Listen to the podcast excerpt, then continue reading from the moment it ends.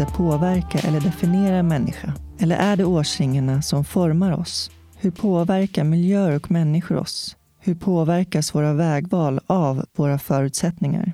Du lyssnar på Soluret Podcast och jag heter Jasmine Nilsson. I Soluret möter jag människor från alla samhällsskikt och med varje livshistoria belyses olika ämnen. Välkommen till avsnitt 76. Soluret spelas in i Kulturhuset Dieselverkstan i Stockholm och huvudsamarbetspartner är det internationella hjälpmedelsföretaget Invacare. Idag får ni möta Fredrik Marcus. Fredrik har jobbat som webbdesigner i över 20 år och är en uppskattad föreläsare i både Sverige och internationellt. En dag när Fredrik åkte taxi såg han Sverigedemokraternas kampanj bak på en buss med texten “Mindre invandring här, mer hjälp till flyktingar där”. Han sa spontant till taxichauffören “Hade min farfar stannat där, i Nazityskland, då hade jag inte funnits här”. Det blev upprinnelsen till en prisad antirasistisk kampanj som spred sig som en löpeld över hela landet. Här kommer Fredrik. Hur lång är du? 1,85. Ja, för det känns så jävla lång. Jag är skitlång. Jag var 1,80 när jag var 13 år. Ja, ja just det. Just det. Och sen slutade. När var det du hopp- dök? 16? När jag var, jag var 1,83 när jag dök när jag var 15 och skulle fylla 16. Hur lång är du? 1,67. Hur kort det är? Se hur du låter. Om du säger bara någonting så här. Hur nära vill du att jag ska vara? Så där, det låter bra. Ja, jag har ju radioröst. Jag kan prata så här. Det gillar jag. Välkommen till Soluret. Idag är Fredrik Marcus som gäst. Så jag kan ju prata så. Men det låter ju koko.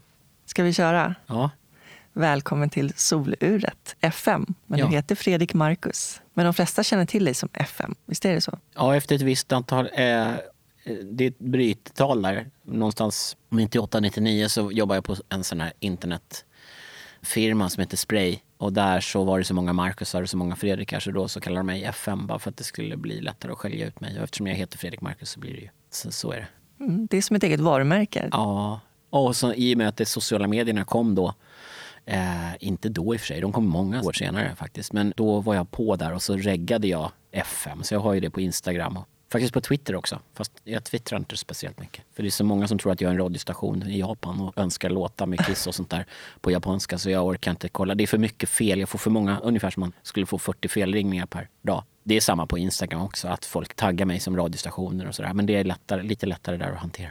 Mm. Du har inte tänkt på att regga varumärke? Jo, det borde man ju, men det är många som finns som FM, FM Mattsson Ja, och sådär. det. Du vet. Men det, Det är sant. Ja, så att, eh, nej, nej, nej. Men det är, det är många som vill köpa mitt Instagram-namn då. Så det är Ja, väl min pensionsförsäkring, vi får se. Men du jobbar på digitalbyrån Know It Experience. Ja. På Facebook då titulerar dig som Horizontal Drill Operator. ja. Jag tror att, de, att Facebook vid något tillfälle hade, de har liksom en eh, grejer som de skriver själv. Det är de som har föreslagit att jag ska vara det. Jag vet inte vad, vad och då tyckte jag det var kul. Det var Och länge körde jag också med att de, de trodde att jag bodde i Ungern eller jag skrev in någonting sånt där för jag tyckte det var roligt då. Mm. Men jag, sen blev de ju hårdare i Facebook på att de vill att det ska vara den rätte personen liksom. Mm. Och jag vet inte vad det där med horizontal drill operator men det var, de föreslog det och då tyckte jag att det var jävligt roligt. För det är Ja, inte det- jättemycket det jag gör. Det är inte det va? Men det är ju mäktigare än att hålla på och skiffla pixlar som man gör nu och stå och sköta någon borr i en gruva Ja, som är nio meter lång. Jag ser det framför mig väldigt mycket så. Vad titulerar du dig som? jag vet inte, S- CD, AD, 3D, inte VD eller SD brukar jag säga. Ungefär så. Så att jag håller på med, liksom, jag är art director, creative director. Jag, jag försöker röra mig runt liksom och ha mycket idéer hela tiden. Och så får man hoppas att arbetsgivaren uppskattar det då. Så, annars får man väl göra något annat. Så det, och det kan ta sig uttryck på massa olika sätt. Men jag har aldrig gjort någon medvetna så här, karriärval och jag ska tjäna en miljon när jag fyller det år eh, och 30 eller så där, utan jag har hamnat, slumpen har gjort ganska mycket. Så, Och det tycker jag är ganska mäktigt också när man gör saker så försöker jag ofta lämna lite till slumpen för då kanske det blir bättre än man tänkt sig. Eh, och som, om man säger som rollen creative director att man gör någonting, man, har en, man försöker liksom bilda sin uppfattning om vad man ska göra. Men också då kanske att, och vi har snackat lite om det, jag spelar i band också. Samma sak där, om man inte räknar ut exakt hur det ska vara och gör det så kanske det blir ännu bättre än man tänkt sig. Att det finns en slumpfaktor i just det där, oj, fan, det där är lite bra, vi kör så. Eller det där såg bra ut. Eller när man sitter i något möte och ska spåna fram grejer så är det så här, någon person som har jobbat jättekort, är jätteung, jättetyst, som säger någon liten grej och så det där var ju grymt. Så mitt jobb är ju inte att framhäva mig själv utan se till att det blir ett schysst klimat, tror jag. Eh, och att det är kul att jobba med mig och det är kul att jobba i den här gruppen. Man ska inte vara orolig när man kommer till jobbet eller till en repning. Så, där. så jag spelar i ett band där det är en kille nu, eh, en gammal teddybärsgubbe som är liksom, man säger chefen eller grundat bandet från början. Och då skulle man kunna tänka sig att man var lite, men det är liksom allt är på uppstuds, improvisation. Det är bättre att göra grejer och testa grejer istället. Hela tiden bara kör, kör, kör. Ja, det där var bra, kör på det. Eller fan, det där låter för jävligt, lägg av. Men då är det aldrig personligt. Det, det, är liksom, det finns ett mål, det är att göra någonting bra. Liksom. Alla har samma mål. Det är som ett skapande i nuet. Ja, jag tror det. Jag tror det. Det är härligt. Ja. Och sen så blir det liksom någonting. För när man spelar i ett band och inte är ensam och sitter vid en dator och bara gör all musik, då blir det ju något annat. Liksom. Mm. Så att jag tror att vi är ganska olika mm. inspelningarna mot när vi är live. Och så. Men, eh, Skulle du säga att du är punkmusiker? Jag vet inte, det var så jag började en gång i tiden. Att, mm. Men jag tycker att attityden fortfarande är skön. Men eh, labla, man behöver inte göra det. Utan vi, vi rör oss väldigt, väldigt fritt. Men jag skulle säga att default så kanske det låter någon sorts gubbpunkattack. Sådär. Alla är lite äldre. Sådär. Men eh, vi håller på att röra oss från det nu. Så nu håller vi på med, med andra grejer. Det låter stundtals på något helt annat sätt. Men att jag tror, om man tittar på Patrik där, om man eh, sa Arve, gubben, han, är ju, han hatar ju allt sånt med lablar och att det ska vara så här. Och, och börjar man snacka för mycket om eh, liksom, teknik och sånt, det gillar han inte alls. Utan det är bara, liksom, det är bara resultatet som räknas. Det är bara feeling. In, inte att man haft så här, Åh, jag körde på en Gibson-gitarr från 57 här alltså. Det skiter han helt i. Vad spelar du för någonting? Jag började med att sjunga lite men så tyckte de att det, det funkar inte, du måste göra något mer. Så då började jag spela synt. Ja, okay. Och det är kul. Ja. Men då börjar jag, jag är tvärtom. Jag bara så här, vad ska man ha för syntar och den här kostar det och vad coolt det är och gör man så här så blir det så. Så jag är ju mer åt det hållet. Men det, då är det perfekt att vara ihop med folk som är, inte är såna. Som ja, bara, skit i det, tryck på den här tangenten så blir det bra. Underbart. Ja. 2018, ja. då kom du ut med boken Om farfar stannat där, då hade jag inte funnits här. Ja. Som eh, började min kampanj. Ja kampanjen är egentligen mycket större och mer liksom, om man säger, lyckad. Att, mm. att det var liksom, boken har man sålt, jag vet inte hur många exemplar, men det, det är liksom ingen försäljningssuccé. Men det började egentligen inför valet 2014. Och jag är ingen som håller på med så kampanjer och sånt. Jag jobbar inte med reklam egentligen som jag ser Jag jobbar med att göra digitala tjänster och så. Ja, då satt jag bakom en buss. Det var, SD hade en kampanj ute inför valet och då så var det en buss som det stod mindre invandring här, mer hjälp till flyktingar där. Och det stod då över hela bussen rosa och blåa bokstäver. De gör det för att det ska se lite nice ut sådär, och lite trevligt och sådär. Ehm, och då tänkte jag på det, att det här stämmer ju inte. Och det är någon sorts sådär, äh, någonting skrek i mig där, att det där är vaj. Och jag kan hålla med om att det är jättebra att man hjälper om det blir någon flodkatastrof eller vad det nu är som gör att man kan hjälpa till på plats rent mekaniskt med att bygga upp och fixa och sådär. Det är ju ingen som vill åka från sitt land för att de tycker att det är kul. Liksom så.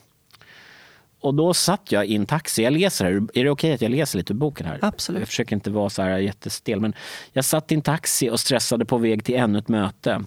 Vi fastnade i köerna i trafiken och chauffören och jag tittade på Sverigedemokraternas kampanjaffisch bak på en buss. Mindre invandring här, mer hjälp till flyktingar där, skrek den ut. Vet du, hade min farfar stannat där i Nazityskland, då hade inte jag funnits här, så jag. Chauffören skrattade bistert och sa om jag hade stannat i Eritrea hade jag nog inte heller varit här eller i livet. Och då förstod jag, och jag är inte en copywriter alltså som har som yrke att skriva smarta slogans. Liksom, så. Utan jag tänkte, den där slogan som då Sverigedemokraterna har skrivit är ju rätt så här, här och där. Och då kom jag på att eh, om min farfar hade stannat där, då hade inte jag varit här. Mm. Och då funderade jag på det där och tyckte det är så himla smart idé. Efter ett tag så brukar det så här, smarta idéer som man har så här, äh, Det var inte så smart. Men jag kunde inte lägga ifrån mig det. Mm. Så då tog jag och härmade och gjorde en bild på mig själv, gjorde den svartvit och sen så la jag på de där, deras liksom egentligen färger, där rosa och blåa. Och så skrev jag om min farfar hade stannat där, då hade jag inte funnits här. Och så la jag upp den på Facebook. Och då har jag kanske, jag vet inte, då vid den tiden kanske 1800 eller någonting followers och några som var kanske lite mer sådär, hade lite mer followers. Så då började folk dela den där och då blev det superstort på bara någon dag eller så. Och då, jag gjorde inte den med baktanke, jag gjorde den, jag la upp en bild bara på Facebook och inget mer liksom. Och sen så hörde folk av sig och sa, kan du göra en till mig? Fast inte min farfar, utan min mamma eller min, eh, min familj eller min pojkvän. Och så, här. så satt jag och gjorde det där, så bara eskalerade det till att jag fick säga till på jobbet, jag kan inte jobba nu, jag måste göra såna här bilder till folk.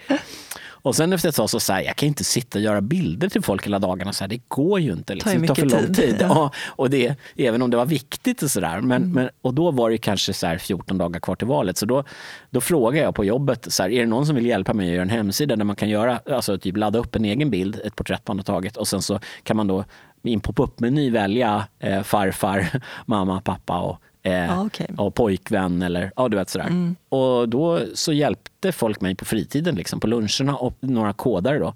Och sen så var den där klar då, så jag la ut bilden tror jag på lördagen.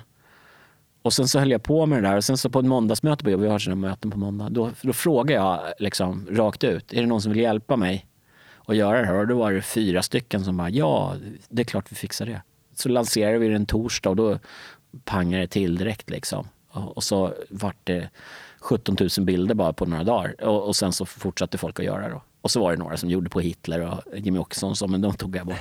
Men liksom, Eh, och det där vart ett jättegenomslag. Så man såg folk som hade sina profilbilder då, ungefär som man gör när ibland vill man visa sin solidaritet genom att byta ut bild. Mm. Och då, det är folk fortfarande som har kvar de där bilderna. Och jag blev vän med en massa folk som jag aldrig sett tidigare, för jag bad dem tagga mig så jag kunde följa upp det. Och det var ju tur, för att fyra år senare då, den där vann en massa priser. Så jag lämnade inte in den, jag lämnade inte ett pris och då vann jag guld. Och det var kul, för då var Forsman och Bodenfors blev tvåa, som är ändå då Sveriges största reklambyrå. Det är lite kul för de vann silver i samma klass som jag vann guld i. Och då var de så 17 personer på scenen med så projektledare och planners och art directors. Och så här. Och I mitt fall var det bara jag och sen så mina kompisar som hade gjort sajten. Då. Mäktigt. Så det var lite kul. Och där kan man se hur långt en idé kan gå. Liksom. Mm. Och, och, det, där, det är också slump bara. Det är inte jag som har suttit så här, nu ska jag göra en kampanj som blir stor på sociala medier. Och så här. Men det intressanta är också då att det säger lite om det samhället som bara var 14. Att det funkade att göra en viral kampanj och lägga ut på Facebook som spreds på det sättet. Det. Nu har Facebook sett till att, att algoritmen upptäcker sånt där så att det där ska man betala för. Så att liksom gör du grejer och försöker sprida det organiskt så det, det krävs väldigt mycket mer för att det ska liksom slå igenom gratis så att säga. Det coola är att man kan göra saker utan att betala. Internet som man började med någon gång i tiden som var så fritt, det är inte lika fritt nu. Det är mycket Nej. mer liksom staket överallt. Liksom så när jag gjorde boken så var det, jag träffade det här förlaget som heter Pugg förlag som träffade mig. Och jag, min idé var ju att jag skulle göra, göra en bok på eh, mina, jag, jag lägger ut en bild varje dag sedan 2011 på mig själv, ett porträtt och det började för att min styvdotter är fotomodell så hon la ut bilder och så började hon få ganska mycket followers och sa jag ska få mer followers än dig. Och då tävlar vi och jag är inte så här, jag kan inte bara stå mot en vägg och hänga liksom. Och det var hashtaggen today's outfit som ja, du kör precis, med? Mm. precis. Och då så tog jag och gjorde en bild varje dag. Och då så när jag träffade bokförlaget så var min idé att vi skulle göra en bok om mina bästa dagens outfit. För de är, stundtals är de roliga. Och och, då tänkte jag, av de flera tusen jag har gjort då, så borde man kunna välja ut hundra stycken roliga. Och de bara, men den där kampanjen du gjorde, den där antirasistkampanjen du gjorde till valet 14, den är ju supermäktig. Varför gör du inte någonting på den? Och jag bara, eh, just det. Så det är också en slumpgrej där. Och det var ganska kul, för då påverkade mig att göra den där boken. Så då, och jag hade ju tänkt själv att det kanske skulle kunna vara en bok, men det var inte top of mind. Utan mm. min top of mind var det där jävla Dagens outfit. Och då gjorde jag boken och visste ju precis hur det skulle se ut. Så jag tog in en gammal formgivarkompis till mig som är bokformgivare. Patrik Leo som är en av Sveriges bästa bokformgivare. Eh, men han fick inte så mycket. Jag vill ju, vi så här, det ska se ut så här. Bara, vi kör så här. Men jag tänker att det är en enormt viktig motpol, den här kampanjen. Ja. Med tanke på de främlingsfientliga eh, vindar som blåser genom världen. Ja, jag, jag, ser det som en sorts, eh, eller jag såg det och ser det fortfarande som en sorts, vad heter det, civilkurage om man ser någon som blir påhoppad eller någon, att man gör någonting. Eh, och det där var mitt sätt att göra. Eftersom jag inte är jättestor och stark så kan jag inte hoppa in på ett krogslagsmål och styra upp det. Liksom. Men där kan jag styra upp. På nätet är jag superkrafter, så där kan jag göra grejer. Och det, det var...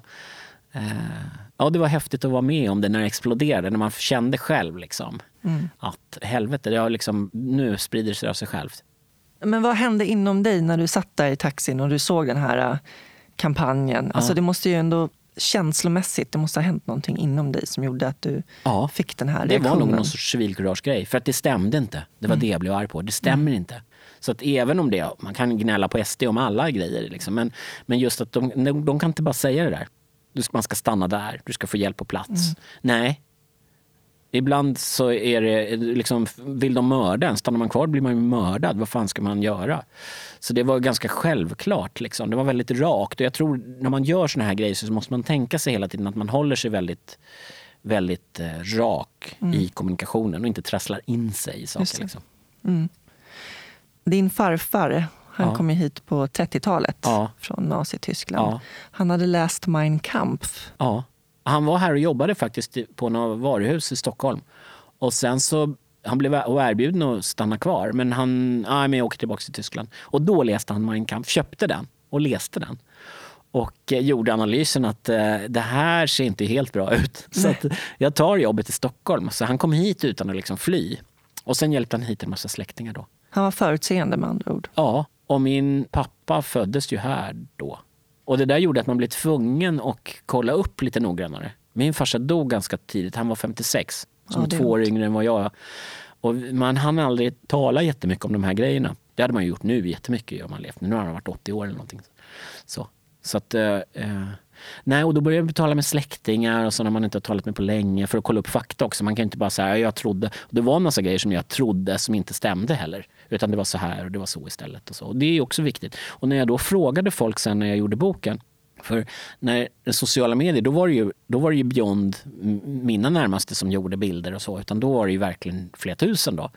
Och många av dem har jag aldrig sett ju.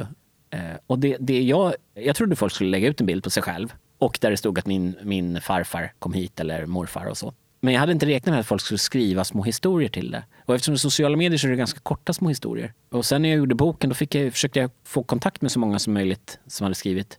Och jag hade ingen linje i liksom vad det var för, för liksom flyktingvåg eller så här som, då som i judiska, eller andra världskriget som i mitt fall. Utan det, var, det är ju från Finland och det är från liksom alla möjliga. Estland och Lettland och baltstaterna allting. Och det var liksom, och jag har med en, en, gubbe, eftersom jag är lite skäggig så brukar jag vara jultomte och sådär. Men då brukar man heja, heja du hejar ju på någon som satt i rullstol utanför. Eller du kollade in den för att du känner ja. de flesta som sitter i rullstol. och jag, eh, jag brukar morsa på folk som har mäktiga skägg och så. Ja, jag känner samhörighet. Ja, och då träffade jag, eh, såg en, en gubbe som jag morsade lite på i Vasastan där jag bor, som hade skägg. Och då visade det sig att han var trummis och hade blivit kär i en svensk tjej när han var här på turné. Då. Och så, ja, så vi blir polare. Och då, han är med. Han är ju amerikan då. Så att han är med. Jag, jag, lägger mig inte i varför folk har kommit hit. Men liksom, skulle man dra någon sorts gräns för att folk inte får komma hit överhuvudtaget, det blir ju lite som annorlunda. Så att de flesta i boken, det, det var väl det enda jag ansträngde mig lite, det var att det skulle vara olika. Liksom. Det. Och det blev det ju. Och just att folk som har läst den som är mer invandrare från Syrien och sånt, mer som har kommit de här sena vågen, den där som var 15 och så. De bara, va? Retar man folk som kom från Finland när du var liten? Mm. Ja, det gjorde man. Finjävel och sånt där. Så det, liksom, det finns en dimension, en upplysningsdimension i det. det. Att det händer hela tiden. Det händer nu, det hände förra året, det hände för förra året. Och det tycker jag är, är, det är mäktigt. Och han, den där snubben jag hälsar på med skägg, man vet ju inte vem man ser på stan där. Och bara, jaha, vad spelar du? För han, jag var trummis och blev kär i en tjej. Han var helt cool. Så här. Ja, men vilka band det? Så här. Eh, ja, men jag skickar en playlist på Spotify så får du se. Så här. Ja.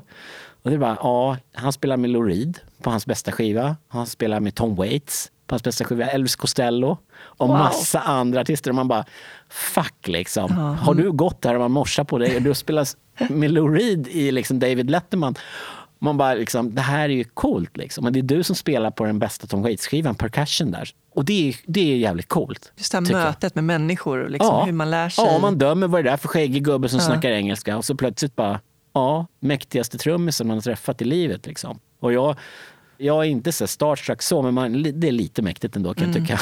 Verkligen. Vill du läsa upp eh, några texter från boken? Ja, någon några text i alla exempel? fall. Men så här korta gjorde folk. så här. Här är en kille som heter Mikael Rothstein. Eh, han var bland de första som liksom såg det och gjorde en, en bild. Han skrev, det här var ju inför valet, ska jag bara sätta det i sammanhang så folk kommer ihåg, 14 då. Min mormor kom till Sverige 12 år gammal våren 1939. Hon sattes på ett tåg och såg föräldrarna stå kvar på perrongen i Tyskland. Några år senare var de båda, liksom övriga familjen som blev kvar där, mördade. Tack vare att mormor kom hit är jag och resten av min älskade familj här, skrev han. Mm. Så det är ju det är på riktigt liksom. Mm. Helvete liksom. Sen ska vi se om jag hittar någon annan historia. Jag blir alldeles gråtblind. Men här är en kille som heter Sean Jamshidi. Han har jag träffat på jobbet då. Han är ja, formgivare, jätteduktig. Sådär. Jobbar hos oss på Kruna och sen så började han på Spotify och jobbar massa år där och nu håller han på med någon tredje grej. Eh, och han skriver så här, de har skrivit sin lilla historia, det här vet man ju inte. Nej. Eh, jag var bara åtta månader gammal när mamma och pappa bestämde sig för att fly Iran. Det var januari 1987 och med mig i sina armar flydde de i hopp om en bättre framtid för mig. Sverige var ett kallt land men vi togs emot med värme och öppna armar, berättar mamma. Vi pratar om hur svårt det var att lämna familjen utan vare sig mycket pengar eller förmåga att tala det nya språket. Att ta risken att fly till ett annat land med mig som nyfödd bebis. Livet handlar om att ta risker för det man tror på och de man älskar, säger mamma.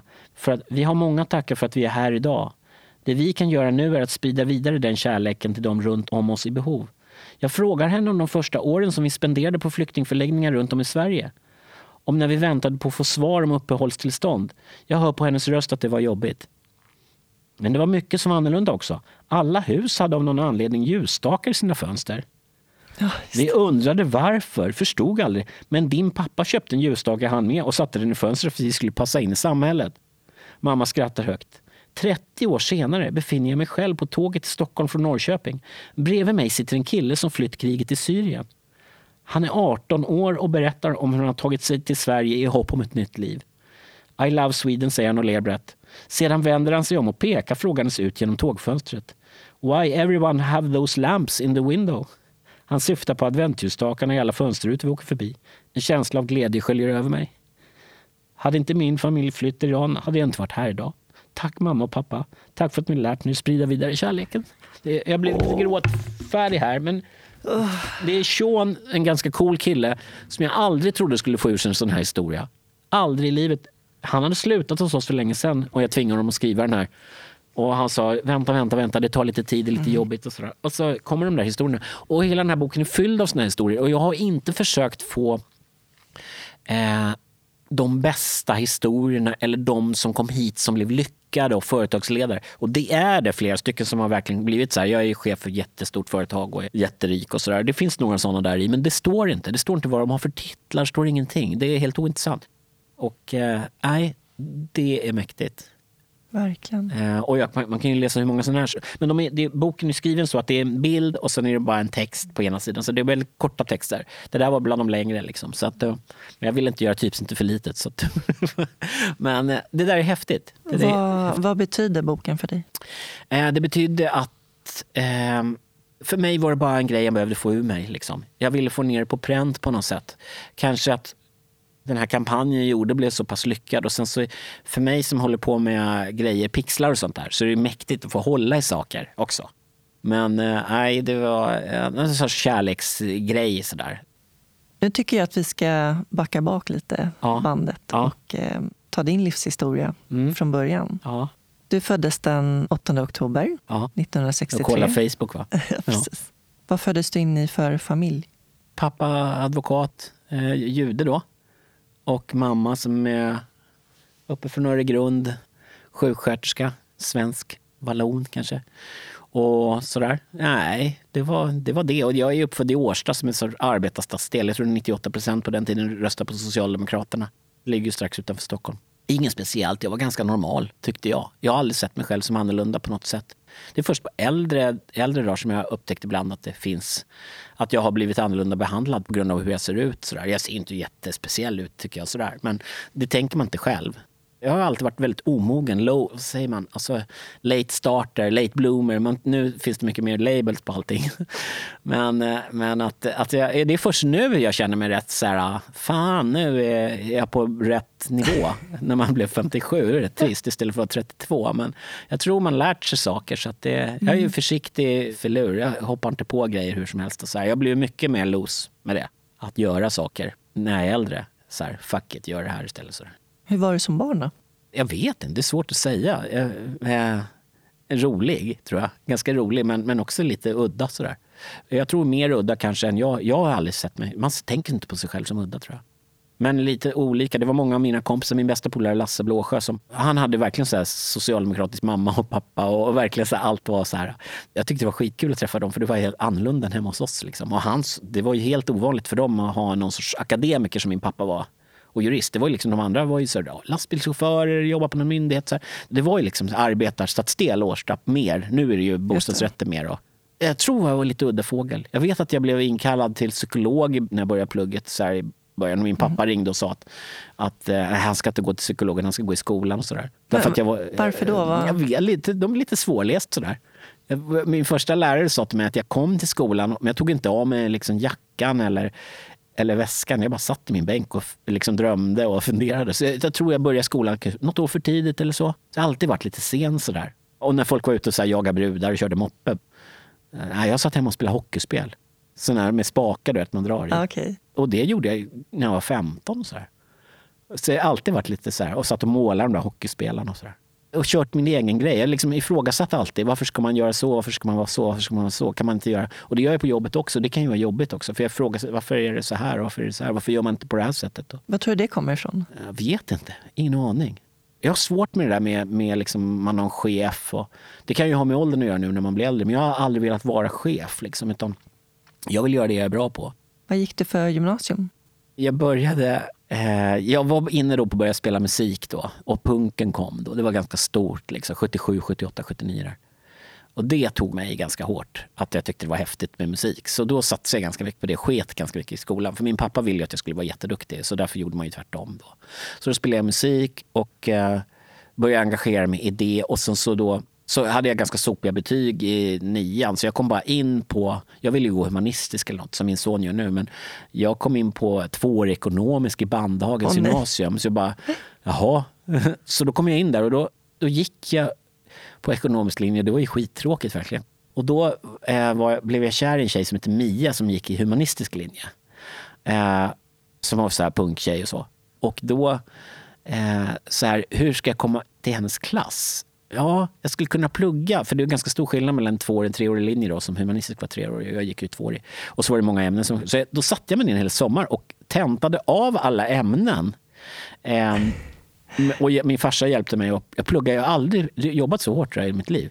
Och så gjorde jag en massa, så här, ja, tentade av de ämnena som skilde. Och så kom jag in i humanistisk linje. Och så gick jag till skolan. Och så när jag kommer in i klassen så bara, men var är Mia någonstans? Äh, hon har tagit sabbatsår. Nej! Nej, vad taskigt. Det är en av mina, så här, det är helt galet ju. Jag berättade det för henne sen. Jag tror vi träffades så här, över någon så här, öl tusen år senare. Så här, mm. typ, det kunde varit vi eller något sånt där. Nej, jag vet inte. Jag vet. Åh, det var härligt. Vi är fortfarande så här, jag har inte träffat henne sen dess faktiskt. Men, men eh, det är häftigt. Och nu är hon liksom, ja, som jag, någon så äldre person. Liksom. Äldre person? Ja, men alltså. Du vet, om man har, höll på då, alltså, hon var ju då kanske 16, 17. Ja, alltså. ja, och kärleken blev en drivkraft i alla fall. Ja, verkligen. Du... Och sen så skulle man, och sen så liksom, det blev ju liksom ingenting. Då kom jag i samma klass istället som Pontus Gårdinger. Den här okay. skumma programledaren som är snygg, liksom, som varit fotomodell. Han kom fram till mig och min polare som var punkare, som heter Lars, punkan Lars. Och då kom han fram till oss, eh, Pontus då, som var lite, han var ju snygg redan då, så med slingor, vita slingor. Det här var ju 80-talet typ. Så kom han fram till oss och sa, ah, men ni har ju mjäll, ni måste ju ha bättre hårvårdsprodukter grabbar. Så ja, kul. Och vi var ju inne på punksvängen, då var man inte inne på hårvårdsprodukter. Nej, precis. det är kul. Och jag ser honom ibland också, jag tror inte han kan placera mig. Alltså Pontus Gårding kan inte placera mig. Det är ganska mäktigt. Och jag har ju hela bilden för mig när jag ser honom. det är roligt. Jag hade stora vita glasögon som jag tyckte var snygga. Som var så här, jag försökte se konstig ut bara. Men eftersom jag inte är någon så hårding, jag kan inte vara så Sid Vicious-punkare. Alltså om jag, Eh, och med så här, nit. Det funkar aldrig på mig. Så jag var lite mer så här Elvis Costello, Nya vågen. Jag var mer inne på Talking Heads och Elvis Costello efter ett tag. Men jag tyckte också Sex Pistols och Clash och allt det där var bra. Så det var ju coolt. Liksom. Mm. Vad tänkte du om framtiden? Jag tänkte inte så. Jag hade inga såna här idéer. Jag ska först göra det här, sen ska jag göra det här, sen ska jag ha en villa. Nej, men jag började jobba på en sjukhus och så där, som vaktmästare. och så där. Sen sa en kompis till mig så här, du kan inte hålla på och jobba som vaktmästare. Så här, jag går ju på Beckmans reklamskola, sa han, min polare Patrik. Det är han som gjorde boken sen. Så han sa, du kanske ska söka jobb på Beckmans reklamskola istället för att vara vaktis på sjukhus. Och jag spelar ju band hela tiden, så då gör det att man håller på med, ja, man skiter i jobbet. Så då gjorde jag det och så gick jag på Beckmans där och så upptäckte jag att det där är ju rätt kul det här med design och form och allt sådär. Och datorerna kom ju samtidigt så jag hade skaffat, jag lånade stålar av min morsa för när min farsa dog då fick vi loss lite pengar. Då skaffade jag dator så jag började experimentera redan tidigt, då hade jag en Mac liksom. Och satt och meckade med det där. Och visste inte vad jag skulle med det till. Men jag hade liksom piratkopierat in massa program och satt och meckade med det där. Och sen så då började jag på Beckmans efter ett tag då och upptäckte att eh, datorn kan man ju ha som liksom ett kreativt verktyg verkligen. Så, som, eh, när man går på Beckman så går man, då på den tiden gick man tre år. Och sen så, det var innan det var högskola, så det var lite mer så här hejkon bacon. Det var ganska kul. Lärarna var lite så här, du vet, fulla och satt på KB. Och man fick åka hem och väcka lärare som var fulla och sånt där så att de skulle komma till skolan och undervisa i kroki och sånt där. Det var ju roligt. Det var ju säkert inte PK på något sätt, men det var, liksom, det var en annan miljö för mig. Så jag är någon sorts hybridperson liksom, på något sätt och träffa massa roliga elever och sådär. Det var ju liksom eh, både mode och design så det var kul att se. När man gått där tre år kan man då, då har man en slututställning och visar upp något mäktigt man har gjort. Då. Och då frågade jag om jag fick vara med. Då hade jag gjort en elektronisk barnbok för barn. Och det var ju tidigt, det här var innan internetet. Så det var ju ganska tidigt. Mm. Så då gjorde jag det. Så det var en kille som fick teckna. Det var djur då, så man kunde, kunde barnen kolla och så kunde man klicka på mellanslagstangenten och så mua kossan. Och och det gjorde jag och så fick jag distribution på det där och sålde. Och sen så liksom, när det, slututställningen där, då kommer ju folk dit och kollar. Det är så här vernissage och så kommer de dit, massa kända och säger åh det här är det bästa. Så här, och då sa de det, vi kommer aldrig låta vaktmästaren vara med mer för att det här var inte bra att han var så duktig. Liksom. Och då fick jag lite, för det är det som är problemet, man vet inte vad man, om man är bra eller dålig eller var man står när man är både yngre och oprövad. Och då fick jag lite självförtroende. Då sa han Tom Hedqvist som sen blev rektor på Beckmans, det är han som gjort de randiga mjölkpaketen, det är hans mest kända insats. Och han var ansedd som lite guru där. Eh, och han sa till mig då att du behöver inte gå här utan du behöver bara plugga lite mer typografi. Sen är du liksom, det är bara att köra. Och då, då tänkte jag att jag kan inte vara vaktmästare hela livet. Det här funkar inte. Och då var det någon som sa till mig, du, kan inte, du är ju skitduktig på datorer. Va? Yeah. Så här, ja, du ska börja på VM-data som var liksom ett stort här, dataföretag, konsultföretag. Ungefär som jag jobbar nu på Knowit. Eh, och när jag kom dit så skulle jag gå en kurs och lära mig göra såna här du vet, eh, ja, som du har som stöd där, så här CD-ROM produktioner. Så här. Lär dig Office-paketet och så klickar man på grejer och så, så här, gör så här. Och det tyckte jag verkar skittråkigt. Och då kom det in en gubbe som ser ut ungefär som, är lika gammal som mig nu och hade hästsvans, det har inte jag hört för sig som heter Lasse Hellqvist, han kom in och sa så här, är det någon som vet någonting om internet? Det är en kund som vill ha en hemsida. Och jag bara, ja, jag är uppkopplad hemma och så här. Så då fick jag göra det. Och sen så började hela den där, det var 95 ju, så då började hela den där jävla liksom, IT-bubblan, eller inte IT-bubblan, men hela den grejen satte igång. Bubblan var ju mera egentligen att folk pytsade in så mycket pengar i det och trodde att det skulle verkligen lyfta. Men det gjorde det ju, men det tog längre tid. Det är ofta det som är felet hela tiden i den, ja, överhuvudtaget det här samhället. Att vi tar fel på tajmingen. Så vi byggde ju på spray så då när jag, jag började på VM-data, sen gick jag till spray direkt sen efter det. Och det som är kul med det vi gjorde, är stora sådana här du vet, som Elgiganten motsvarande, fast de hette Mr Sumo, eller vi hade Sumo hette det. Och så var det så här, man går in och köpa kylskåp och vi gjorde resebyråer och det fanns ju något som hette Spradio som var streamad musik på nätet. Tänk det var galet, ingen fattar någonting. Och sen några år senare Spotify. Det handlar hela tiden om, om timing och exekverande, alltså hur väl man gör det här så folk förstår vad det är de har här. Och då när vi gjorde de här, man kunde handla på nätet och köpa, vet du vad felet var? Folk var inte beredda att ta upp ett kreditkort och mata in i ett fält på datorn. Det kändes som att så här, shit, här har du mitt kreditkort, nu kommer det att försvinna i cyberrymden och alla kommer köpa massa eh, tv-apparater på mitt konto. Men det funkar lika väl då som, det var väl en del säkerhetsgrejer som inte var på mm. plats i och för sig, men, men folks, det som tar tid att förändra det är folks attityd. Så att alla grejer, det tar lite tid innan det blir, det slår igenom. Vi, det, och det är vi människor som är trögheten. Och ofta lagar och grejer också som inte hänger med riktigt. Nu tar vi en kort paus och ringer upp min samarbetspartner Invacare. Anna-Karin Eskilsson. Hej Anna-Karin, det är Jasmin här. Hej Jasmin, hur är läget? Det är bra. Hur mår du framför allt? Du har ju precis haft corona och eh, blivit frisk nu. Ja tack, det är bra. Eh, det är tre och en halv vecka sedan jag blev sjuk och jag var faktiskt riktigt dålig i två veckor. Och fick allt möjligt, både jobbig hosta och feber, ont i kroppen och tappade smak och lukt. Och problem med magen. Men som tur var ingenting med andningen. Och det som hänger kvar nu det är väl mest eh, smaken och lukten. Men energin är tillbaka och det känns så skönt. Ja, men det förstår jag verkligen. Och skönt att det inte blev värre. Ja, precis. Jag som har varit så försiktig hela året. Och så kom det hem med vår gymnasiedotter. Mm. Så det är sånt som kan hända. Man kan inte skydda sig mot allt. Nej, det är ju så. Ja, men det är skönt att du har återhämtat dig. Ja, tack. Eh, berätta vad du gör för någonting på Invacare. Ja, jag jobbar ju som eh, produktchef för eh, sängar och lyftar. Jag har varit på Invacare i snart fem år nu och i botten är jag sjukgymnast.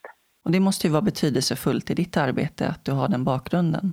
Ja, det är jätteroligt. Man får ju kombinera sin erfarenhet från praktiken och verkligheten med eh, nya produkter och ta del i produktutveckling och förbättra ännu mer för våra brukare och kunder som är i behovet av bra lösningar. Just det. Och eh, nu vill du också lyfta just barnsängar. Kan du berätta om dem?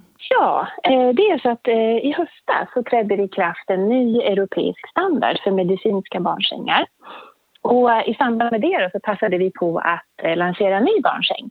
En uppdaterad version av vår tidigare säng. Den nya sängen heter Imacare Nordbed Kid och det är en del av Nordbed-familjen där Invacare även erbjuder framtidens vuxensängar. Så det är en hel familj med sängar för barn mellan 3 och 12 år. Och sen från 12 så räknar man att eh, man använder vuxensäng. Så nu kan vi erbjuda helt nya, moderna sängar för framtiden. Den lilla sängen, barnsängen, Nordbed Kid, eh, den finns i tre olika längder och det är ju för att kunna passa barn i olika storlekar helt enkelt. Och för att den rörliga sängbotten då ska egentligen följa ryggen och knäleden och så vidare så bra som möjligt. Och så kan jag tänka mig att det är en bra förutsättning också för föräldrarna att ha en anpassad säng. Ja, precis. Sängen är ju höj och sänkbar. Det är alla sängar. Så den, den går ända så långt ner som 30-30 centimeter från golvet. Det är ju för att de barn som kan själva ska kunna kliva i ur säng. Sen går den att höja så högt upp så att eh, alla vuxna kan få ett, en bra arbetsställning i samband med omvårdnad. Och sängen har ju också grindar då som går att öppna på olika sätt. Ändra vikbart öppningsbara, alternativt nedfällbara. Och grindarna finns också i olika höjder beroende på barnets behov. Toppen. Ja, men det låter ju jättebra. Ja. Tack så mycket Anna-Karin. Det var jättetrevligt att få prata med dig och så får du ta hand om dig. Ja, tack så mycket Jasmine. Ha det bra. Hej då. Hej då. Men du har ju verkligen varit med från internets födelse kan ja, man säga. Ja. Eh, och det har ju varit en enorm, nästan som en revolution det har ja. hänt otroligt mycket. Ja, och ibland ingenting tycker jag. Ja. Från 2000 fram till 2007 eller något där tyckte jag det var rätt trögt. Nu är det ju liksom, man brukar säga att digitaliseringen lyfter alla båtar. Alltså mm. typ att det man menar är att när det funkar så lätt att lyssna på Spotify och hur lätt det är att funka med Netflix. Varför är det här krångligt? Så liksom, och det är ju våra myndigheter som inte har hängt med. Försäkringskassa, skatten, allt det där liksom är ju de har, inte, de har inte samma resurser att lägga heller som Google och Apple och stora liksom, företag.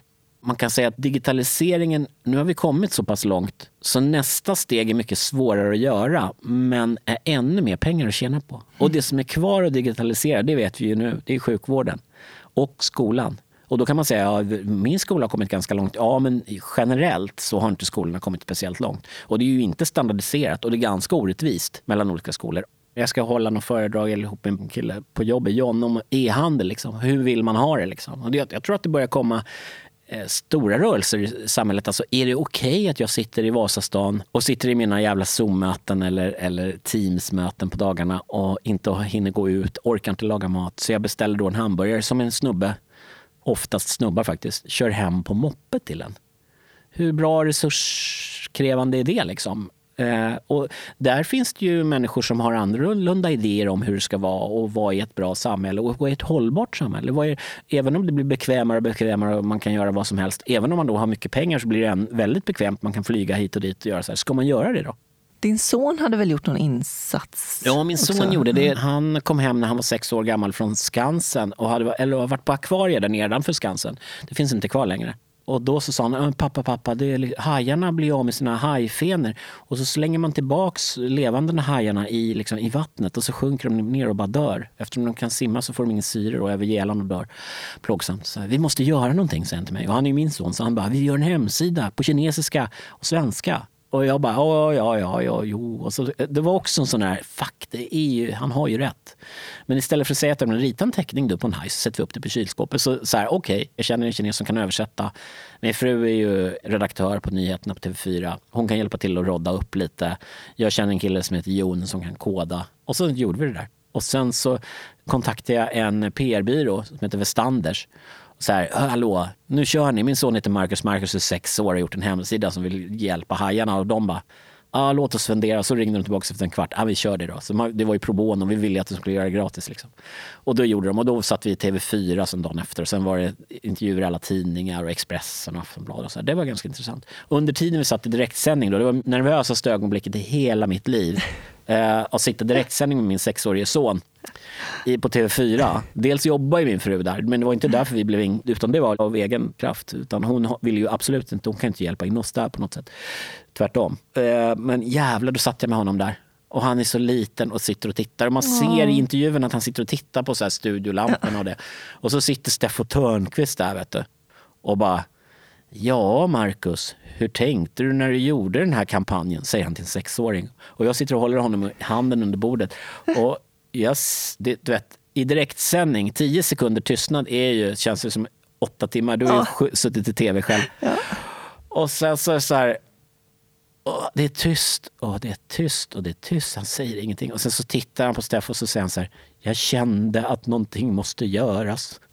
Och då säger han ju helt rätt. Och min fru skrek sen efteråt så här, ja det var ju bra tv det där. Och, och det är precis, men om jag tittar sen utan att vara så här jätte, liksom, när jag såg den där texten på bussen så kände jag att något måste göras. Och där, det låter ju jättebra nu för att det är bra storytelling och allt sånt där skit som jag hatar när folk säger ja, storytelling, du måste tänka på storytelling. Men eh, så är det ju. Det finns en, det är precis samma att något måste göras. Liksom. Det här är inte okej. Nu, fan. Och då sa inte min son fan och helvete och sådär. Utan han bara, ja, det här igen och sådär.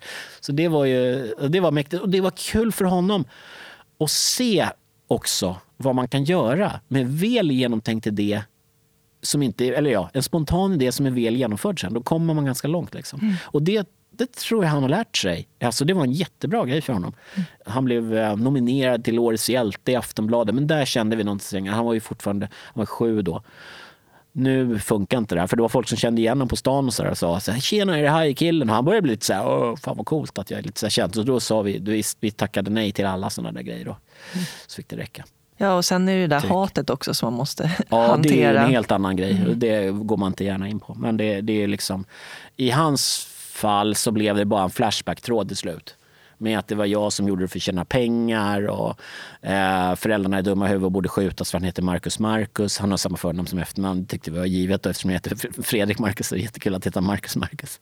Men det var ju folk som störde sig på. Det blev en Flashback-tråd. Det sitter någon jävla rättshaverist någonstans liksom och orkar lägga tid och skriva sånt där. Det är så jävla, jävla, jävla. Det är lite roligt också på något sätt. Men precis som i den här boken då så är det så här, så fort man känner folket, människan bakom, då är det svårare att säga dra åt helvete och åk hem till ditt jävla hemland. Eller till en sexåring. Han har långt hår och är ful. Så man, Fy åh, fan. alltså, ja, det måste vara otroligt tufft som förälder. Man är ju så maktlös Mm. inför det. ja. Och att det finns så himla mycket knasbollar som orkar lägga tid på Ja. allt det där. Det är också rätt spejsat. Liksom. Ja. Men du nämnde ganska snabbt där i förbifarten att din pappa gick bort när Mm. du var Mm. 22 år. Vad, vad hände? Han fick cancer och bara dog. Okej. Så, samma som, som Steve Jobs. Jag skulle inte jämföra honom med Steve Jobs. Men han fick cancer och dog. Det var helt, helt kom från blixt från klar himmel bara. Och han var en stor, stor del verkligen så. Tyckte han var cool och rolig och annorlunda. Så han bara försvann liksom. Så det, det, var, det var märkligt. Det var märkligt.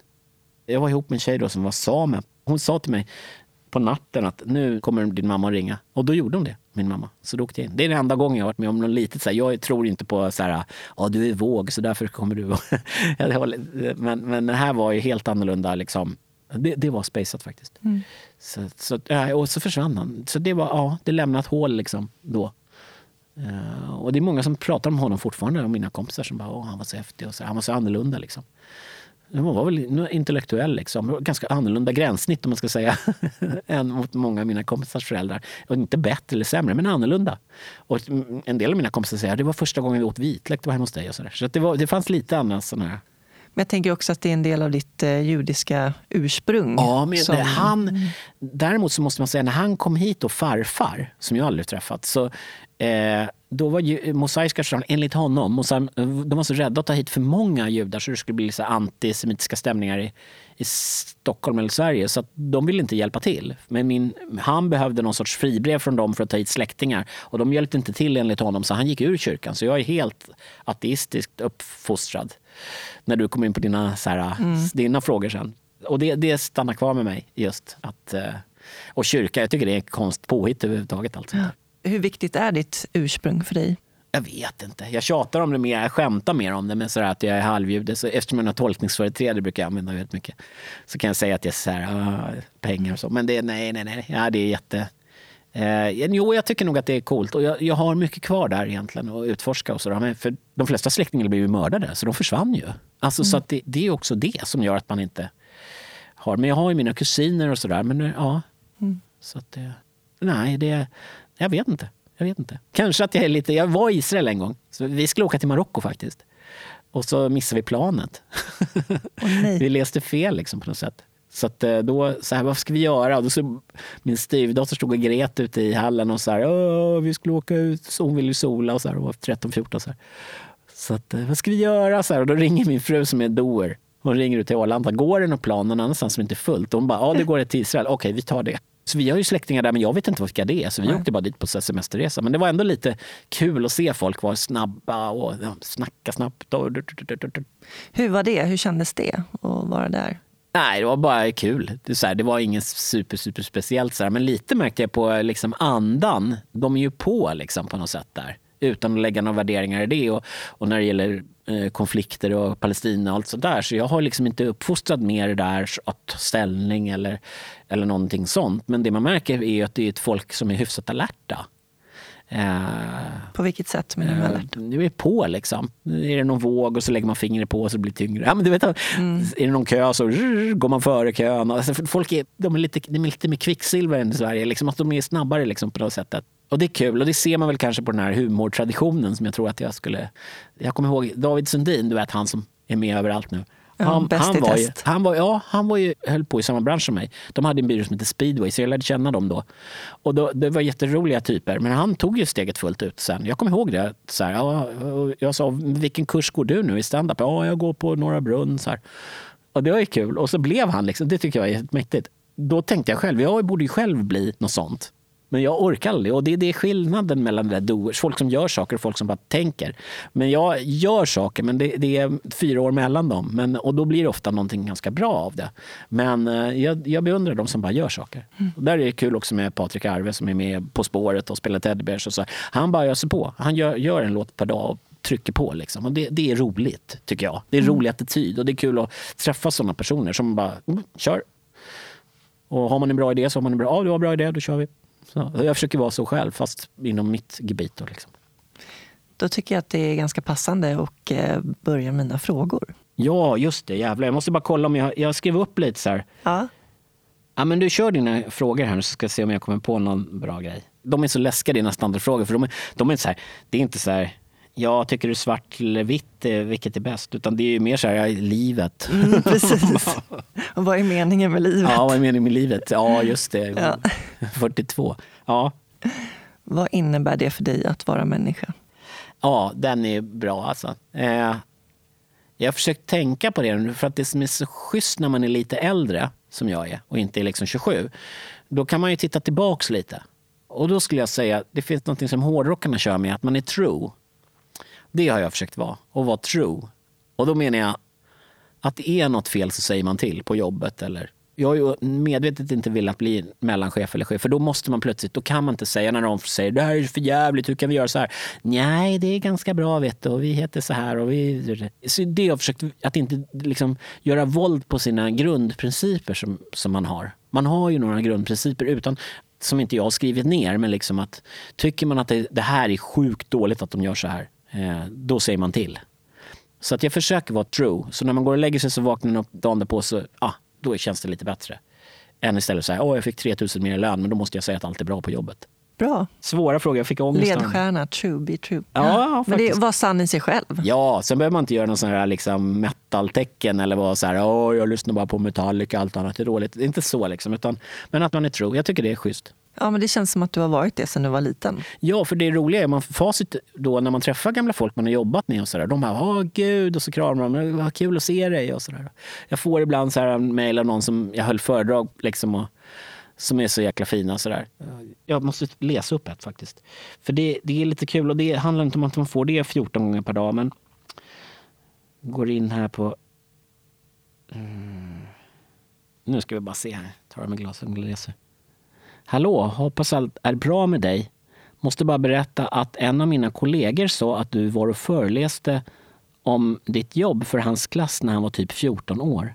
Han och en kompis hade kontaktat dig sen och fick komma och hälsa på på Razorfish där du jobbade. Och du hade tagit med dem på McDonalds och bjudit på mat och så.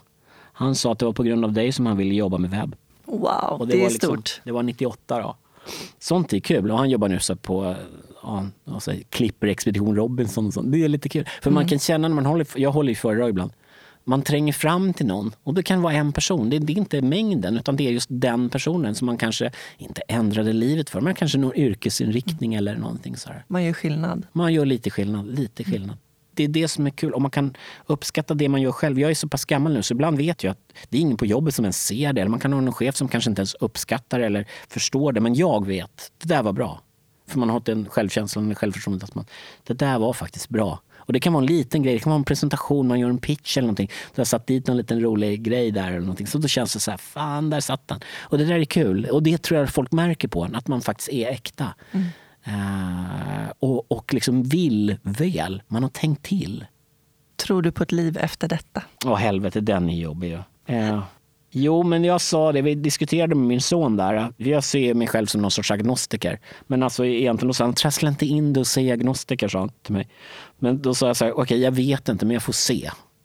Och är det, om det är Gud då som är den vanliga standardguden, om den är schysst så kommer jag dit. Men är det, är det massa konstiga regler och du måste fyllt i de här blanketterna för att komma dit och dit, då, då kommer jag nog inte dit.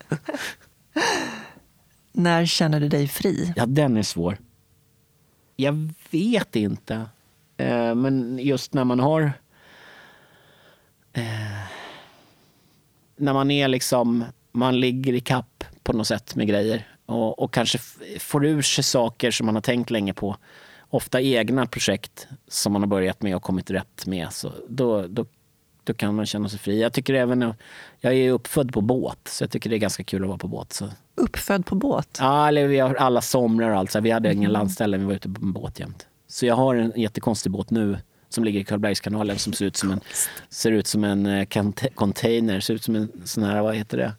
En sån här amfibiebuss från DDR eller någonting sånt där. Den är helt fyrkantig och blå och vit och konstig. Men den, där brukar jag hänga, som vi har den som kolonilott, vi bor ju i stan, så då brukar jag hänga där nere så och sitta och jobba och så och vara där. Det, det, är rätt. Då känner jag mig nog ganska fri när jag är på mm. båt. Eh, målet i livet, om jag har någonting sånt där som kräver pengar, så är det väl en soldriven båt vill jag ha så jag kan vara ute utan att sabba naturen. För det är så ironiskt att man ska vara ute i skärgården och ha motorbåt så är det en av de mest oklimatvänliga grejerna man kan göra. Och ändå njuter man av naturen men samtidigt så sabbar det för folk att njuta av naturen lite längre fram. Så att, ja. Mm. När känner du dig sårbar? Jag snackade med frun där. Jag sov på golvet i vardagsrummet i natt därför att min fru skulle jobba och då jobbar hon ganska långa pass. Och då så tar våran hund ibland och får för sig att han vill väcka henne på nätterna och, och sådär. Så då så sover jag ute med hunden i vardagsrummet. Så det gjorde jag i natt. Och det ska man göra i natt också. Och lördag natt också. Så då ligger jag på någon liksom, konstig madrass istället för min mäktiga hästens säng där inne. Men vad gör man inte? Och han är så gammal nu så man kan inte hålla på och idra med honom. Men han har blivit lite så här, han blir orolig mitt på natten och så väcker han oss. Vad är det för ras? Eh, Coton de Tullier kallas mm. bomullshund. Så han är väldigt så här, gullig och bomulls och ska ligga i sängen såklart och tycker det är självklart att han borde börja leta efter en boll klockan fyra på natten oh, mitt nej. i sängen. ja, jag har ju också en hund som är hälften ja. Cotton ja. och eh, tibetansk terrier. Ja. Påminner om din. Ja. ja, han är hemma själv nu. Det brukar han aldrig vara, men han fick mm. vara det nu. Jag tänkte ta med honom hit, men man vet aldrig att han kan börja liksom Ja, nej, vi får väl uh, ordna en hund dit. Ja. Är det en tjej eller kille? Hund? En tjej. Ja, men då kommer det gå mm. bra. Det kan jag säga också, det vet ju du. Men det är största. Jag har ju varit allergisk jämt och trott aldrig jag kunde ha hund. Det är det bästa jag har gjort. Mm. Eh, liksom. Det är som en sorts, det är nästan bättre än barn. Men, eh, ja, de, det är speciellt. Ja, det är det. Det är en jättekonstig bond med en annan ras. Mm. Som man, desto äldre hunden blir, desto mer tycker jag man förstår den. Det är en jättekonstig upplevelse mm. faktiskt. Det är en häftig upplevelse. Ja. Lite som, ja, jag behöver inte jämföra med något. Jag tänkte jämföra med pyramiderna faktiskt. Häftig jag, det är en av mina, jag har haft två så här konstupplevelser i livet. Mm. Och det ena är som jag tyckte var så här som att, verkligen, det var när jag var i Egypten och skulle kolla pyramiderna. Så åker man i någon förort där i Kairo och så ser man liksom, om man tänker sig att man skulle vara ute i, ja, någonstans i någon förort i Stockholm. Och så bara ser man grejer som är flera tusen år gamla bara sticker upp. Som är, de är ju höga. Liksom. Liksom, hade man lagt dem i Årsta så hade de varit högre än, än alla de där konstiga höghusen där jag är uppfödd. Och det är ju supermärkligt, liksom, tycker jag. Och sen Nimis, det här konstverket som eh, Lars Vilks har gjort. Han är ju mer känd för andra prylar, men eh, det konstverket som han har byggt av drivved på en, en strand i Skåne Just det. Den har du svårt att ta dig till tror jag. För ja, man ska verkligen klättra ner. Och, men man skulle lätt kunna köra dit med båt tror jag. Mm. Så skulle, men det är skitmäktigt. Eh, det var jävligt konstigt. Och det är just mm. att det är så ostyrt. Ingen myndighet. Och, myndigheterna bara hatar honom för att han har gjort det där. Och det var också en av mina mesta, bästa konstupplevelser. Mycket bättre än Jeff Koons och allt sånt där som man sett. Vad upplevde med. du då?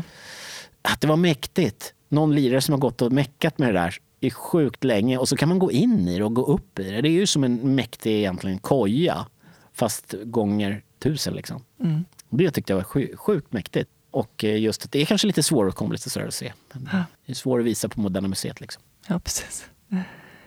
Vad drömmer du om? Det är den där soldrivna båten. Det skulle jag kunna tycka var kul. Mm. Så jag kunde vara ute, så här, du vet, ungefär som så här atomubåtar. Man är ute så här, tre månader i sträck eller under vattnet i ett halvår. Det är ju mäktigt. Men nu är inte det en ubåt, men någon måtta får det vara. Men att liksom kunna vara ute under flera månader i sträck och bara ha så här, jag är lite, lite så här, vad heter det, preppy lite så här, kommer zombisarna, då sitter jag där ute med min mäktiga soldrivna båt bara och hela Sverige bara försvinner. Och jag sitter där och meckar i mitt eh, opcenter där. Det hade ju varit kul. Så, så, lite så, ja, det är nog min, det är det jag drömmer om. Antingen eller-frågor? Jaha, har du såna också? Det sa du inget om. Ja. Nej. Svart eller vitt? lite så. ja. Vi börjar med kaffe eller te? Kaffe. Stad eller landsbygd? Jag vet inte. Jag är stadkille verkligen, men jag är uppfödd i Årsta så jag tycker det är supermäktigt att bo i stan. Men jag skulle nog kunna tycka det var lite kul att bo på landsbygden. Men det skulle aldrig min fru göra. Så det... Bok eller film? Film och bok. Jag läser varje dag science fiction. Det är därför jag är så jävla väl anpassad till framtiden. Så jag bara, ja men det har jag läst om, det vet jag. men nej, jag, jag tycker båda är mm. kul. Men mest bok. Om jag får välja så skulle jag ta bok tror jag. Kött eller grönsaker? Grönsaker såklart. Planering eller spontanitet? Ja, jag är så spontan man kan bli. Det gör att man pajar. Det, det är mycket jag inte får gjort tack vare att jag glömmer. Jag borde göra listor. Min fru gör listor på allting. Se eller höra? Jaha, nu är du inne på dina tillgänglighetsfrågor där. Höra tror jag. För jag är stereoperson också. Jag gillar bra ljud. Lyssna eller prata? Ja, det måste man ju ändå säga prata, för det är det jag gör. Och det är, alla är så oroliga över att, när jag liksom ska hålla, att jag drar över och vi ska, det ska vara åtta minuter och så här. Men det har jag inga problem med. Eh, men absolut, jag pratar ju mycket, det gör jag. Vad är det du föreläser om? Oh, det är olika grejer. Mm. Men uh, jag har ju hållit föredrag om så design och internet och utveckling och så här, men mycket också så trender. Alltså, alltså det, det, är ganska intressant med trender. Och då kan man säga, vadå trend? Orangea kläder nästa år eller vadå? Nej, men det är så här, om man har ett företag till exempel, kan man bry sig, kan man skita i trenderna? Kan man skita i miljötrenden som är nu? Beroende på vad det är för företag så kan du inte göra det. Och, eh, och sen finns det ju massa andra trender. Och så där. Men liksom, mitt nästa företag, jag funderar på att göra ett föredrag om internethumor. Det tycker jag är kul. Jag brukar tycka faktiskt att det som ingen efterfrågar är det som är roligast. För att det är väl ofta som att man jobbar på jobb så ber ju folk att göra saker. Kan du göra det här? Men det är ingen som är bett mig att spela i något band. Det är ingen som är bett mig att göra den där konstiga boken. Och det är det som har värde i slutet av året. Om man gör så här, du vet som folk säger, ja nu har ett år gått. Har du gjort någonting som var Ja, det, var, det är de där grejerna som ingen har bett en om, som man är mest stolt över. Som kanske den där kampanjen om att rädda hajarna för min son, som jag skulle säga var kanske, den var ju mycket större egentligen än min egna antirasistkampanj. Det var jag stolt över. En sak som jag tänkte på som var en grej som hände för flera år sedan. Du vet, man har gamla klasskompisar, det har säkert du också. Och så hör de av sig till dig och säger åh det är så bra, att det, det är så kul att det har gått bra för dig. Och man, stannar, man har ju en ganska liten värld och när det är som sämst så sluter man sig in i sig själv och ser inte liksom världen runt. Det finns de som har det, inte värre, men liksom, man får perspektiv på tillvaron tror jag är jävligt bra. Och där är humor väldigt bra för en. Liksom. Och Jesper Juhl en gammal barnpsykolog. När jag träffade min styvdotter så trodde jag att det skulle gå skitbra för jag snackar och barn brukar tycka jag är kul. Men det var liksom, de var ju skilda liksom och sådär. Jag fick kämpa på. Och då så då stod det en grej i den där boken som han skrev, den här barnpsykologen då, Jesper Juhl, att barn kan aldrig vara ansvariga för stämningen hemma. Och så har jag tänkt genom hela livet på jobbet. Att jag kan bestämma att nu är det skönt här. Eller nu är, vi, nu är det schysst. Jag håller inte på och gnäller och sabbar stämningar och så. Och det tror jag är ganska viktigt. Så som, som vuxen skulle jag säga, så kan man bestämma stämningen. Mm. Istället för att gnälla på grejer så gör man något. Ja, men, ja, vad tycker du är dåligt då? Gör, fixa det. Och när det där med, med perspektiv så vill jag bara säga det att för en massa år sedan när min son var då, som är 18 nu, och han var kanske fyra eller fem och min styvdotter då var åtta år äldre, 12-13 sådär. Så på julafton så skulle vi åka någonstans och då åkte vi tunnelbana. Och då ser du vet när man sitter i tunnelbanan du vet, det är lite kallt och du vet hur det är. Och folk är på väg någonstans alltid. Och då kommer en så här tiggare, riktigt, riktigt sliten. Man ser folk som sitter och snackar eller gör någonting. De tittar ner, de vill bara, de vill bara att den här personen är förbi. Men jag känner igen den här personen som kommer gåendes. Och det, det är en gammal klasskompis till mig som heter Johan Schultz. Han gick i klassen bredvid mig egentligen. Och han var jätterolig och sådär, jättekul. Men man visste att hans föräldrar hade lite så här, missbrukarproblem och sådär. Men han kommer gående och är liksom så här, du vet, heroin, riktigt så här nere och bara ögonen är knappt öppna. Och så, de kör ju ofta så här, samma, så här, ja hej jag heter Johan och jag är så här, så. Och han kommer gående där och jag säger, det är Johan Schultz. Så jag, jag bara, tjena Johan. Och då säger man inte hur är läget, för det är uppenbarligen det är inget jättebra läge. Hej Johan. Och han bara, hej, känner jag dig? Och jag bara, ja, vi gick ju klassen bredvid mig i Årstaskolan, så här, eller Årstagårdens skola. Eh, du heter Johan Schultz, eller hur? Och han bara, ah. Och sen så ser man att då börjar liksom hårddisken dra igång på honom. Så här, och då börjar han komma ner i minnen. Liksom, är det Fredda? Fredda Marcus? Här? Ja, det är det. Ja, så här. här är min familj. Liksom. Och då sitter han är ju supersmutsig och liksom, du vet, så här, helt genomskitig och ner, nedgången verkligen. Så att han, han hälsar på, så här, här är min fru Annika, här är min dotter Eddie som bara gick och funderade på att bli fotomodell på den tiden. Liksom. Och här är min lilla son och de tar honom i händerna och så här hej. Ja, och så vi kollar efter pengar i fickorna. Jag vet att de går direkt till hans liksom, missbruk. Men vad fan, fuck it, här har du. Och han fick kanske ett par hundra spänn av oss. Ja, och så här, tack, tack, så här, ha det bra, så här, hej då familjen och så här. Så går han iväg i vagnen man skulle önska att någon filmat det här med en så här, 35 mm kamera. Liksom. Och så vänder han sig om och tittar på oss och så säger han, hur kunde det gå så här? Och det är ju liksom som en film. Och sen så, eh, man såg honom ibland på, på tunnelbanan. Så, här. Sen frågade jag någon av hans rövarpolare verkligen, du vet, som ser ut som Keith Richards fast inte spelar i ett band som drar in några miljarder per år. Så jag vågar gå fram till honom. Han ser helt livsfarlig ut och så här piercad överallt. Och så bara så här, har du sett Johan Schultz någonting? Så här, Nej, han gick bort i somras. Så var det det. Så liksom, jag vet inte varför jag berättar det här, men liksom perspektiv på tillvaron. Och det är liksom när folk är deppade på jobbet. Vi håller ju på ändå gör liksom hemsidor och olika digitala tjänster. Så är det bara, du är inte läkare. Det var ingen som dog idag.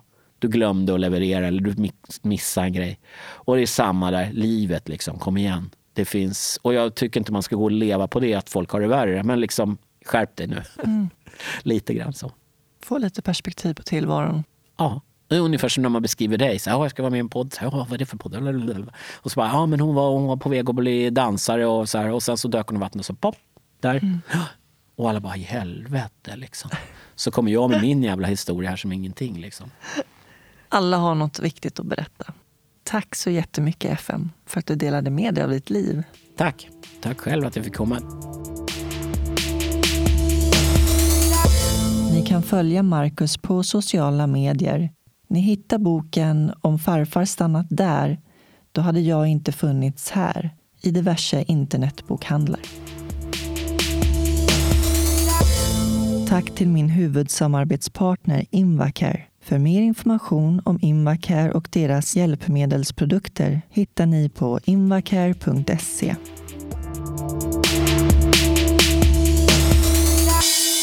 I nästa avsnitt får ni möta Daniel Nilsson. Daniel och hans fru Lina var nyblivna föräldrar när Lina fick diagnosen trippelnegativ bröstcancer. Daniel, som jobbar med ljudproduktion, bestämde sig för att dokumentera deras cancerresa som sedermera blev till en podcastdokumentär, inte riktigt som vanligt. Idag är Daniel ensamstående pappa med deras son Enzio som lever med högkänslighet. Tack för att ni lyssnade och ta hand om varandra där ute.